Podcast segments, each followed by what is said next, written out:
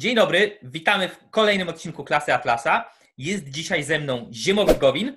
Cześć. Doktorant y, na Instytucie Filozofii Uniwersytetu Warszawskiego, y, szef Obiektywizm.pl oraz współtwórca niniejszego podcastu. Ja nazywam się Mateusz Błaszczyk. Dzisiaj będziemy mówili y, o temacie, a w zasadzie o wprowadzeniu do pewnego tematu, o wstępie, więc z góry zastrzegamy.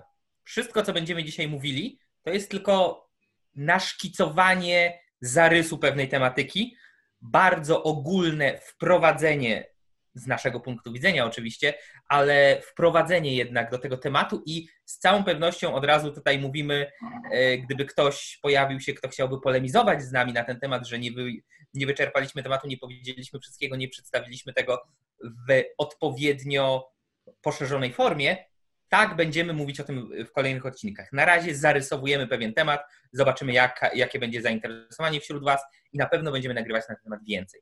A konkretnie, Ziemowicie, jaki to temat? Jeszcze zanim powiem konkretnie, jaki to temat, też trzeba sobie, znaczy już powiedziałeś, że będziemy mówić o obowiązku, natomiast ja bym tu odróżnił dwie rzeczy. Jedną rzeczą jest mówienie o obowiązku ogólnie do ludzi, którzy nie są filozofami. Pamiętajcie, że klasa Atlasa e, tak jak większość naszych projektów jest skierowana do ludzi, którzy nie studiują filozofii albo się nią nie zajmują jakoś bardziej zawodowo lub nawet bardziej tak amatorsko, ale jednak sporo, sporo e, czytają. I wiemy, że wśród Was są ludzie, są ludzie, którzy bardzo dobrze znają filozofię. Widzimy to w komentarzach, za co zresztą zawsze, zawsze e, dziękujemy e, i jesteśmy, i jesteśmy wdzięczni. Natomiast jedną rzeczą jest mówienie o obowiązku, i o tym, czy w ogóle pojęcie obowiązku ma sens w etyce, w naszym myśleniu codziennym o tym, co powinniśmy robić, a inną rzeczą jest już takie mocne, filozoficzne, szczegółowe, skomplikowane skupienie się e, na etyce obowiązku, zwłaszcza na, na e, etyce kantowskiej, ponieważ no, my zdajemy sobie sprawę z tego, że Kant nie był, nie był prostym filozofem, i, i, i jednak, jednak napisał wiele i to bardzo ważnych, bardzo trudnych, trudnych e, dzieł. E, więc, no więc, więc oczywiście to, co dzisiaj powiemy, to nie jest krytyka Kanta. To znaczy, to też jest krytyka Kanta, ale nie będziemy się zagłębiać w podstawę etyki kantowskiej. Troszeczkę o niej wspomnimy. Bardziej się skupimy na samym pojęciu obowiązku jako takim. I też przechodząc do odpowiedzi na Twoje pytanie, o tym będzie ten temat, znaczy powiemy sobie, e, o co chodzi z tym pojęciem i jakie są jego konsekwencje, to znaczy jego konsekwencje nie tylko intelektualne, ale jego konsekwencje związane z e, życiem codziennym człowieka.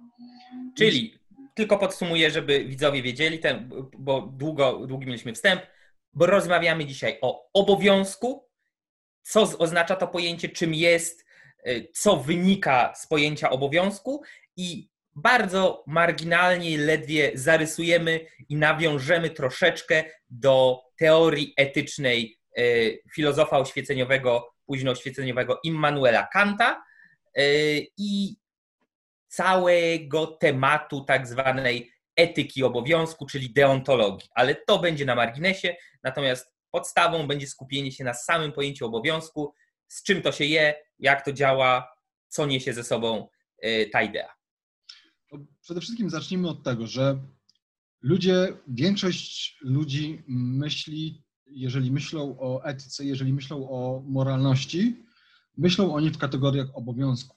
Niektórzy mówią o obowiązkach względem społeczeństwa, względem Boga, e, względem e, swojej e, społeczności, do której należą, to już chyba powiedziałem, względem, względem narodu, tak, jest bardzo znane cytat z Romana Dmowskiego, jestem Polakiem, więc mam obowiązki polskie.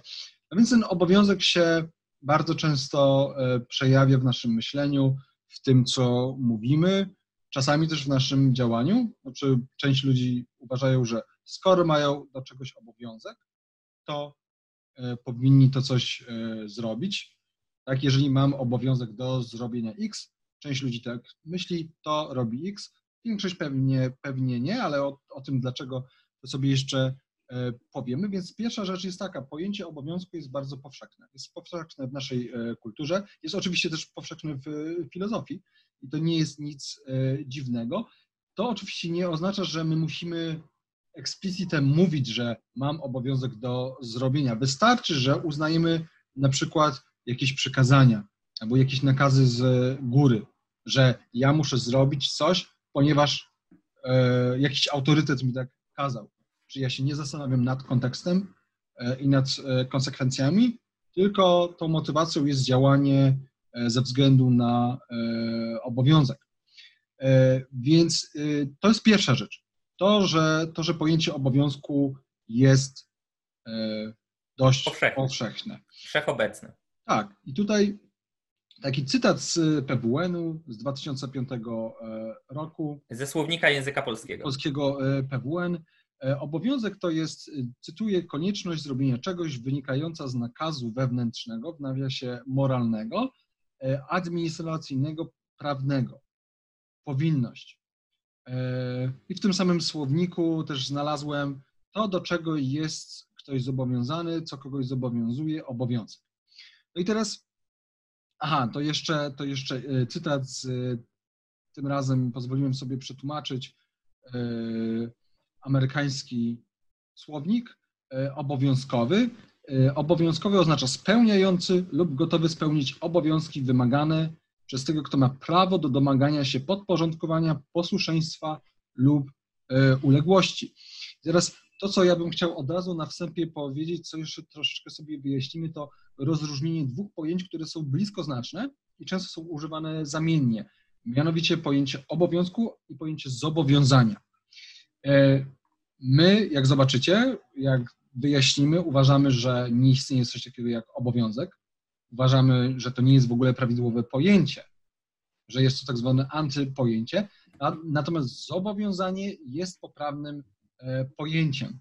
Teraz troszeczkę antycypując, czym się to różni? Różni się tym, że obowiązek tak naprawdę nie ma podstawy w rzeczywistości, nie odnosi się do e, rzeczywistości, jest wymysłem, e, a zobowiązanie wynika faktycznie z naszych działań.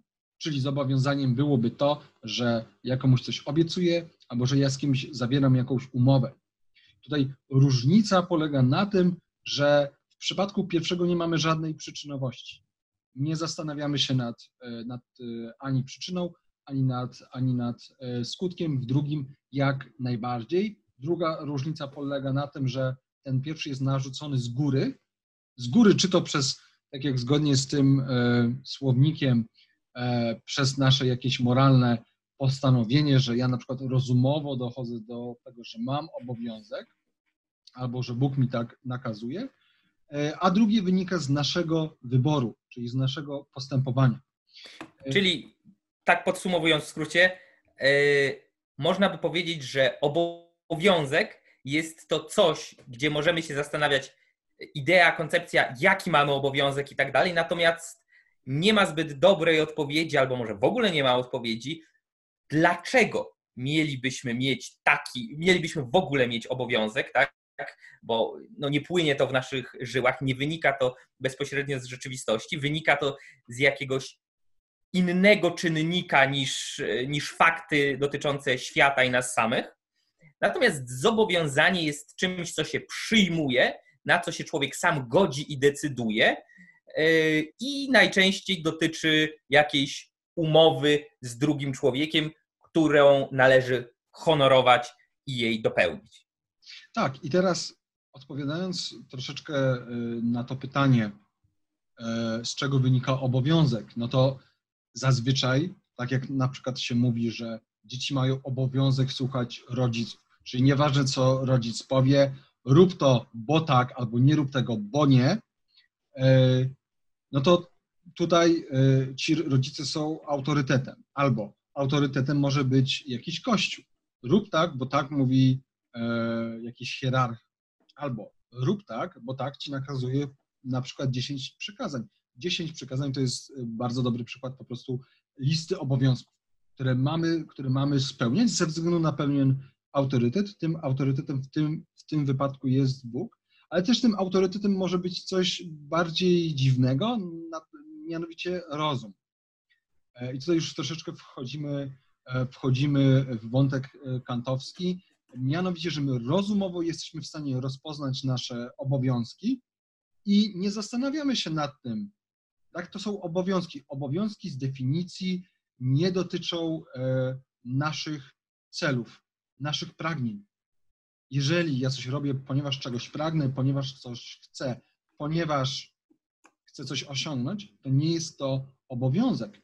E, więc moglibyśmy sobie podsumować to w ten sposób, że obowiązek to e, moralna konieczność wykonania pewnych działań wyłącznie z powodu posłuszeństwa względem jakiejś wyższej władzy, nie biorąc pod uwagę żadnych osobistych celów, motywów, pragnień lub e, interesów. Teraz widzimy już od razu, czym to się różni od e, zobowiązania. Ono różni się tym, że zobowiązanie jest czymś, e, co po pierwsze nie wynika z jakiegoś odgórnego nakazu, no bo jeżeli ktoś mi się każe do, do czegoś zobowiązać, to tak naprawdę nie jest to zobowiązanie. Po drugie, e, no zobowiązujemy się w jakimś celu, a obowiązek nie ma żadnego celu poza samym obowiązkiem. Obowiązek jest dla obowiązku. Czyli można by powiedzieć, że obowiązek i myślenie w kategoriach obowiązku albo e, tworzenie zasad moralnych czy etyki opartej na obowiązku, to jest coś, co jest w dużej mierze E, oderwane od e, ludzkiego życia, tego, co na nie wpływa, naszych codziennych działań, e, naszych dążeń, celów, marzeń i tak dalej. Czyli można by powiedzieć, że jeśli myśli się o czymś w kategoriach obowiązku czy etyki obowiązków, to tutaj jest nasze codzienne, przyziemne życie, to co chcemy robić, to do czego dążymy, co mamy w planach, a tutaj obok ale zupełnie rozdzielnie od tego jest etyka obowiązku e, i są te obowiązki, które wynikają czy to z nakazów boskich, czy to z nakazów społeczeństwa, czy też jak u Immanuela Kanta z jakichś rozumowo wywiedzionych tak czy inaczej e, przesłanek e, skłaniających ku temu, że to są nasze obowiązki. Tak. Okej, okay, a a masz może jakiś cytat na poparcie tego, bo ktoś zaraz powie, że Immanuel Kant wcale tak nie mówił albo nie pisał. Okej, okay, proszę bardzo. Nawet jakiś sobie przygotowałem.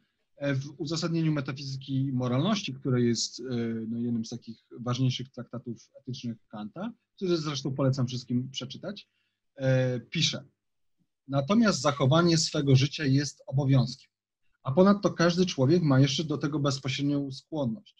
Tak, tutaj Kant mówi o tym, że, e, no, że ludzie generalnie chcą zachowywać swoje e, życie, ale że też to jest obowiązek. I teraz, ale przesadna troskliwość, z jaką olbrzymia większość ludzi o to się stara, nie posiada jeszcze z tego powodu wartości wewnętrznej, a jej maksyma treści moralnej.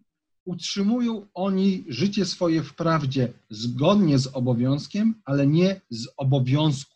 Tak? Czyli Kant robi tutaj rozróżnienie jeżeli obowiązek mówi mi, że bym robił X, i ja robię X, to jeśli ja chcę robić X, niezależnie od y, obowiązku, to ja wtedy robię X zgodnie z tym obowiązkiem. Ale nie, ale nie z, z powodu. Tak. Ale, czyli to jest pewna korelacja, tak, że obowiązek nakazuje ci to, ale ty i tak chcesz robić to, i tak ci do tego, y, do tego dążysz, znaczy, więc.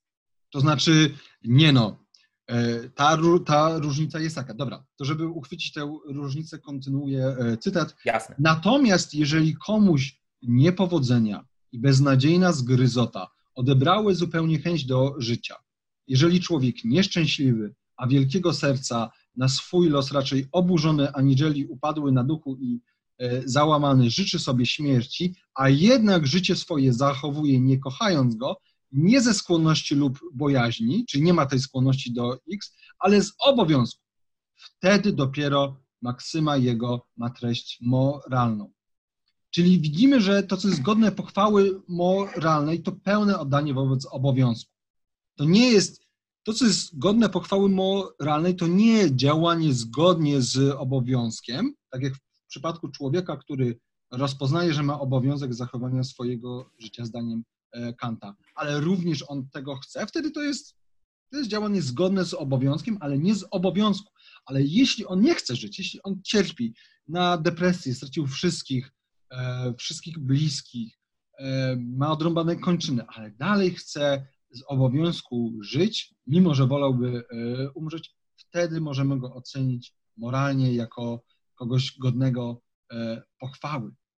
Czyli podsumowując, e, żebym to dobrze zrozumiał, żeby widzowie to dobrze zrozumieli, bo jest to dosyć kontrintuicyjne, mimo, mimo tej powszechności etyki obowiązku w naszym życiu.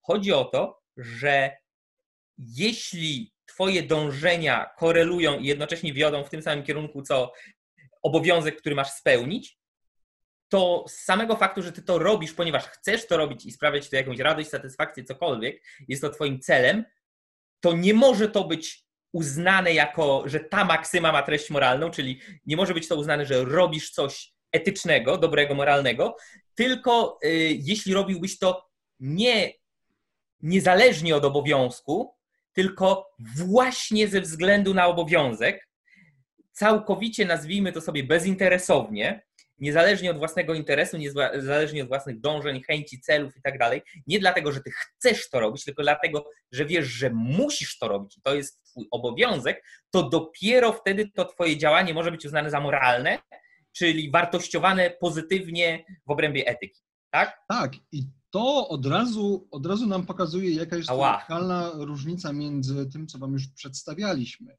Ponieważ e, widzimy, że jakie jest podstawowe pojęcie naszym zdaniem w etyce? Jest to pojęcie wartości, które wynika z tego, że organizmy żywe podejmują pewne działania. Tak, że te działania, e, wartość jest zawsze dla kogoś i za coś. E, a tutaj widzimy, że mamy zupełne oderwanie od tych dążeń. Od, od agenta tego, działającego. Tak, od podmiotu e, działania, od jego potrzeb, od jego życia. No i tu też widzimy, że pojęcie obowiązku jest zupełnie abstrahuje od tej podstawy, a tą podstawą jest właśnie życie organizmów, życie, życie człowieka, jeżeli już mówimy o wartościach moralnych. No i tu widać, że jeżeli, jeżeli wartości, tak jak e, to tłumaczyliśmy w poprzednich podcastach, e, jeżeli wartości e, biorą się z życia, są możliwe i konieczne dzięki życiu i są dobre tylko jeżeli wspierają życie, to pojęcie obowiązku w ogóle tutaj nie ma sensu. Nawet gdybyśmy się próbowali zastanowić nad samym obowiązkiem, skąd, skąd się on bierze, jakie on ma swoje uzasadnienie w, w rzeczywistości. Co w świecie wskazuje na to, że co w świecie moglibyśmy nazwać jako podstawą dla obowiązku? Z czego ono wynika? No to po przyjrzeniu się bliższym okaże się, że z niczego. On jest oderwany od kontekstu. Jak to się ma do gilotyny Huma, o której już mówiliśmy, Ziemowit? Czy y, gilotyna Huma ścina obowiązek i etyka obowiązku? Czy jest to bardziej złożone i lepiej zachować na następny odcinek? Myślę, że jest to bardziej złożone i lepiej zachować to na następny odcinek. Dobra. Ja też y, ad hoc nie, nie, nie jestem w stanie, nie byłbym w stanie odpowiedzieć y, na to. To w ogóle całe omówienie bardziej szczegółowe etyki Kanta po prostu już zostawimy na, na, na, na ten specjalny odcinek, żeby dla tych wszystkich filozofów, którzy po prostu czekają na jakieś e, mięso tłuste, filozoficzne. E, nie chcę powiedzieć, czy ona ścina, czy, czy nie. Wydaje mi się, że nie, ale mogę się mylić. E, natomiast od, od razu przechodzimy już do rzeczy. Pojęcie obowiązku nie ma odniesienia do rzeczywistości. Jak tworzymy pewne pojęcia, to przede wszystkim jaka jest miara tego, czy pojęcie jest, jakie jest kryterium tego, czy dane pojęcie jest właściwe. No, ta miara, tak mówiąc w dużym, w dużym e, skrócie, polega na tym, że to pojęcie musi się do czegoś odnosić, musi mieć jakieś zastosowanie. Tymczasem pojęcie obowiązku nie tylko się nie odnosi, ale też nie ma, nie, nie tylko się nie odnosi do życia w ogóle, ale też nie ma zastosowania. I teraz w tym kontekście tutaj e, Rand e, twierdzi, że, że pojęcie obowiązku jest antypojęciem, Antypojęcie to jest, cytuję, sztuczny, zbędny i nie nadający się do racjonalnego użytku termin stworzony po to, by zastąpić i wymazać inne właściwe pojęcie. E, tak? Więc jeżeli zaakceptujemy pojęcie obowiązku, to tak naprawdę zanegujemy rzeczywistość, bo w rzeczywistości nie ma żadnych obowiązków. Na czym mielibyśmy oprzeć zasadę, która mówi, że jest jakiś autorytet względem nas, który narzuca nam pewne obowiązki i my mamy działać ze względu na te obowiązki, koniec, kropka. To ma się nijak do naszego rozkwitania, to ma się nijak do wartościowania. To w ogóle neguje e, wartościujący aspekt ludzkiego umysłu. Wartości moralne są wartościami, ponieważ człowiek, e, ponieważ człowiek je odkrywa i je ocenia. Bez, e, bez tego umysłu, bez tej oceny nie ma wartości, a obowiązek nie jest czymś, co ja mogę stwierdzić, że on jest fajny albo on jest zły. Nie, on po prostu jest i ja mam się nim kierować. Czyli on jest taką wartością pierwszą w ogóle, bardzo pierwotną względem wszystkiego innego, którą po prostu mamy przyjąć i według niej działać, tak? On jest pierwszą i jest y, ostatnią. Alfa i omega. Tak, teraz możemy troszeczkę przejść do, do y, konsekwencji. To już troszeczkę właśnie, powiedziałem. Właśnie, myślę, że to jest coś, co widzowie też chcieliby y, się dowiedzieć i zapytać, bo może wszystko, co mówisz, masz rację, ale obowiązek jest dobry, słuszny tylko wtedy, kiedy ma słuszne też jakieś konsekwencje, tak? Tak jak w przypadku tego tego mordercy z zakrwawionym toporkiem, który puka do twoich drzwi, kiedy ty akurat gościsz swojego przyjaciela i pyta cię, hej, czy X, czyli ten twój przyjaciel jest tam w domu, bo mam ochotę go zabić, tak? No i w tym momencie, czy obowiązek niekłamania, tak, zasada nie kłam, zawsze mów prawdę, powinna przeważyć nad zasadą broni życie swojego przyjaciela? Jak to wygląda z tymi konsekwencjami? Może coś więcej o tym opowiesz? Znaczy, no, przede wszystkim Akurat wolałbym się w tym odcinku nie pastwić nad Kantem i nad tym częstym zarzutem, że e, na gruncie tyki kantowskiej, jak naziści przychodzą nam do domu, pukają i pytają się, czy ukrywamy Żydów, no to zgodnie z e, imperatywem kategorycznym nie możemy kłamać, e, ponieważ maksyma, która by mówiła, że każdy może sobie swobodnie wybierać, kiedy może kłamać, doprowadziłaby, nie mogłaby być zasadą uniwersalną, nie mogłaby być, być prawem powszechnym, ale zwróć uwagę, że już teraz wchodzimy w terminy, które dla osób, które nie czytały Kanta są e, po prostu e, nie znają tych terminów, więc naprawdę zostawmy już te kwestie. Jasne. Ale jest jedna rzecz, mianowicie co jeżeli ja kierując się obowiązkiem zrobię coś, co akurat ma dobre e, konsekwencje. Czyli na przykład będę zachował swoje życie. Więc to nie jest tak, że zawsze kierowanie się obowiązkiem oznacza wydawanie Żydów E, nazistom, tak? albo, albo, swoich, albo swoich e, przyjaciół. Natomiast e, musimy się tu zastanowić nad czymś szerszym, jakie są szersze skutki kierowania się obowiązkiem, bo to, że ja raz sobie powiem, o cholera, mam obowiązek pomóc jakiejś osobie, ja jej pomagam i faktycznie to, no to jest coś dobrego.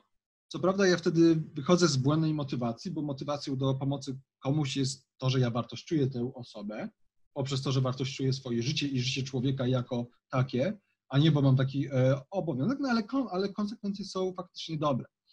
E, więc przede wszystkim samo kierowanie się obowiązkiem niszczy rozum. Znaczy, co to znaczy? To znaczy, że żeby człowiek postępował moralnie, tak jak już tłumaczyliśmy, musi brać pod uwagę cały, cały, całą swoją wiedzę, całą, do, całą sobie wiedzę i kontekst.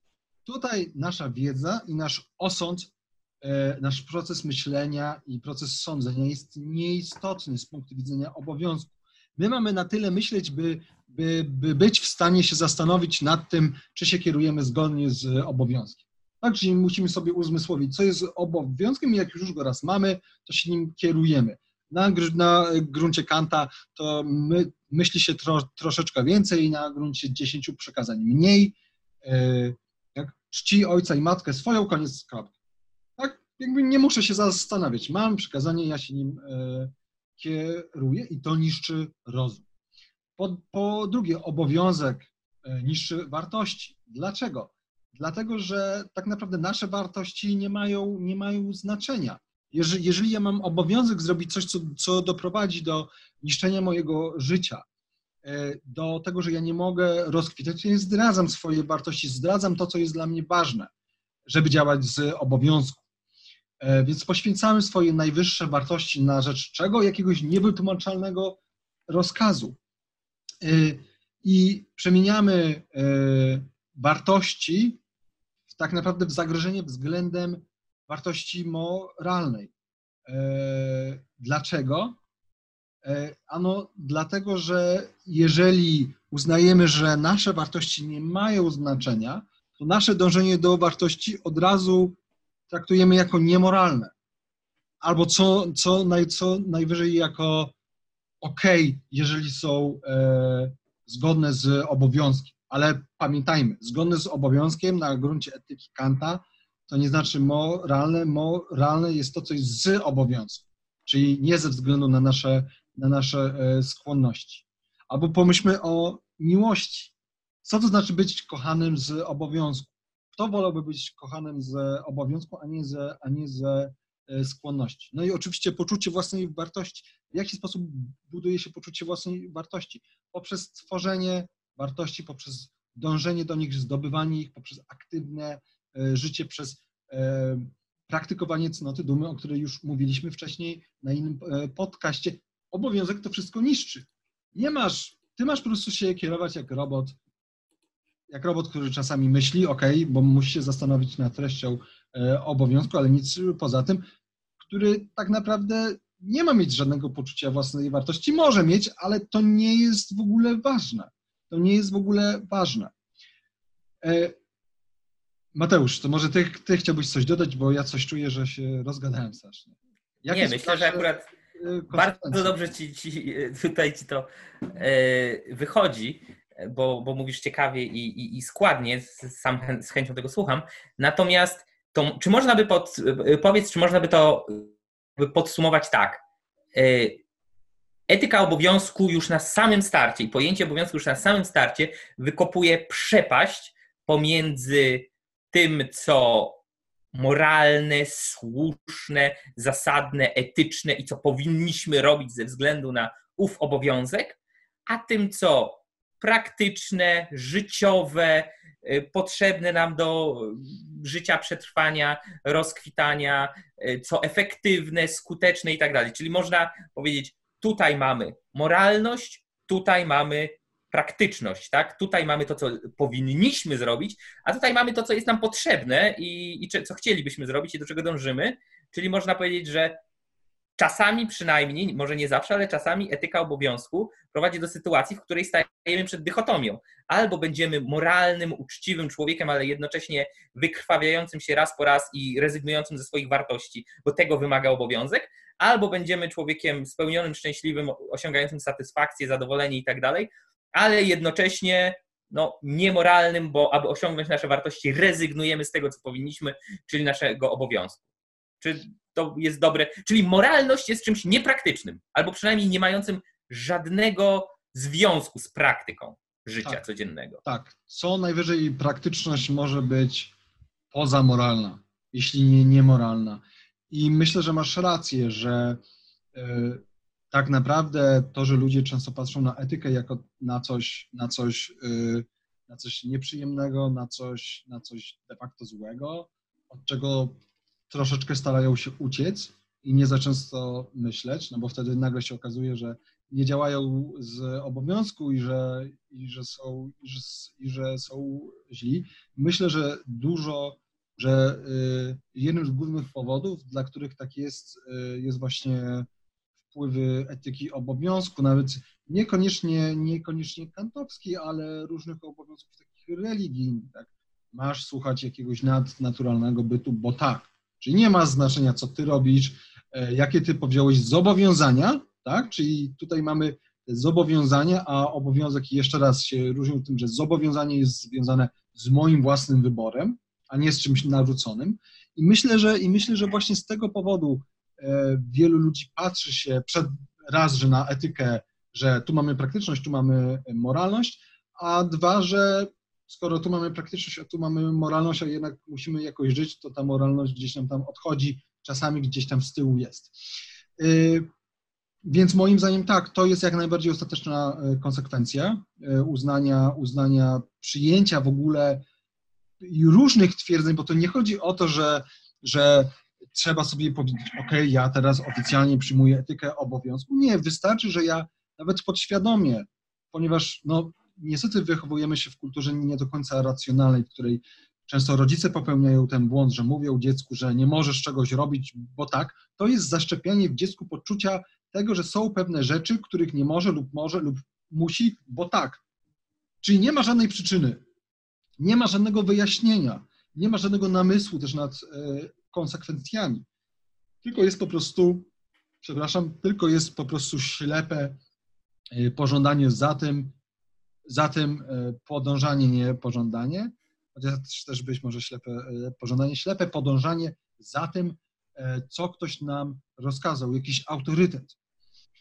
No i teraz no i teraz to jest związane z tym, z tym rozdźwiękiem między moralnością a praktycznością, mianowicie to, że etyka obowiązku nie daje żadnego de facto e, moralnego kodeksu takiego życia codziennego. Tak? Dla starożytnych, dla, dla Greków, zresztą dla, dla Rzymian też, było naturalne, to było oczywiste, że etyka dotyczy całego naszego życia, tego w jaki sposób tworzyć nasz charakter, w jaki sposób działać. Nie tylko, że ja czasem się, zas się zastanawiam, jaki mam obowiązek, e, tylko jak mam działać, żeby żyć dobre, żeby, żeby moje życie było dobre, żeby było godne tego przeżycia. E, tym, tymczasem etyka obowiązku i w ogóle myślenie w kategoriach tego, że muszę, bo tak, bo to jest moralne niezależnie w sumie od tego, jaką to ma podstawę, jakie to ma e, konsekwencje i skąd się to e, bierze, kompletnie zabija taką perspektywę. No więc w tym sensie możemy to podsumować, już zbliżając się troszeczkę do mm, końca tego odcinka, który pamiętajcie jest pewnym wstępem, pewnym zarysem.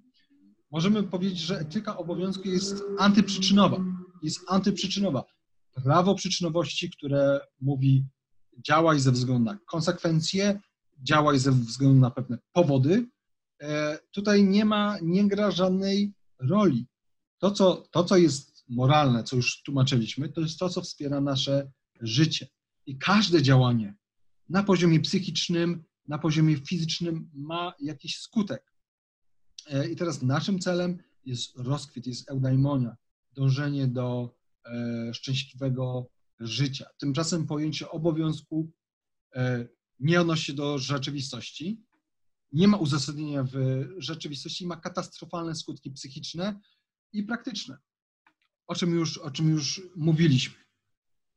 Tak, człowiek, który, który byłby, który całe swoje życie by się bił e, z myślami, że on nie jest moralny, ponieważ to, co on robi, to co najwyżej jest zgodne z obowiązkiem, byłby człowiekiem sfrustrowanym. To jest takie albo, albo więcej. On oczywiście mógłby robić wiele rzeczy z obowiązku, na przykład odpisywać na maile po nocy, bo uważa, że ma taki e, obowiązek, jechać do Afryki i e, pomagać biednym, bo uważa, że ma taki obowiązek. E, walczyć za swój kraj, choć on nie ma w tym żadnego interesu, bo jego kraj na przykład jest e, irracjonalny i neguje prawa e, jednostki, ale on uważa, że ma taki obowiązek. To tacy ludzie żyją wyłącznie, są sfrustrowani i nieszczęśliwi. Tak bym, tak bym to krótko podsumował. Ale etycy obowiązku pocieszają ich że jesteście sfrustrowani i nieszczęśliwi, ale przynajmniej zachowujecie się moralnie. Tak. Tak, tak mimo tak. że. To się, to, się do, to się do tego sprowadza. Twoje działanie ma treść moralną, jeżeli jest działaniem z obowiązku, a nie zgodnie, z, nie li tylko zgodnie z obowiązkiem. Im bardziej czegoś nie chcesz robić, ale to robisz, bo masz taki e, obowiązek, tym bardziej jesteś moralny. Czyli moralność jest w dużej mierze, nie w założeniu może, ale w konsekwencji, w praktyce, domeną e, bólu i cierpienia. No trochę tak. Tro, trochę tak. dosyć przykra. Przykra konstytacja. Zawsze kończę yy, tym optymistycznym akcentem. Tym razem mamy nieco mniej optymistyczny akcent. Yy, ale wielkie dzięki Ziemowicz za wprowadzenie nas w ten ciekawy i ważny temat. Na pewno będziemy jeszcze do niego wracać w kolejnych odcinkach. Także y, jeśli macie jakieś pytania, uwagi, wątpliwości albo y, wątki związane z tym tematem, które chcielibyśmy, abyśmy skonkretyzowali i skupili się na nich bardziej w kolejnych odcinkach, to prosimy o komentarze pod filmem. I tym, tym akcentem myślę, że y, żegnamy się z Wami na dzisiaj i widzimy się w przyszłym tygodniu. Dzięki, cześć. Trzymajcie się, cześć.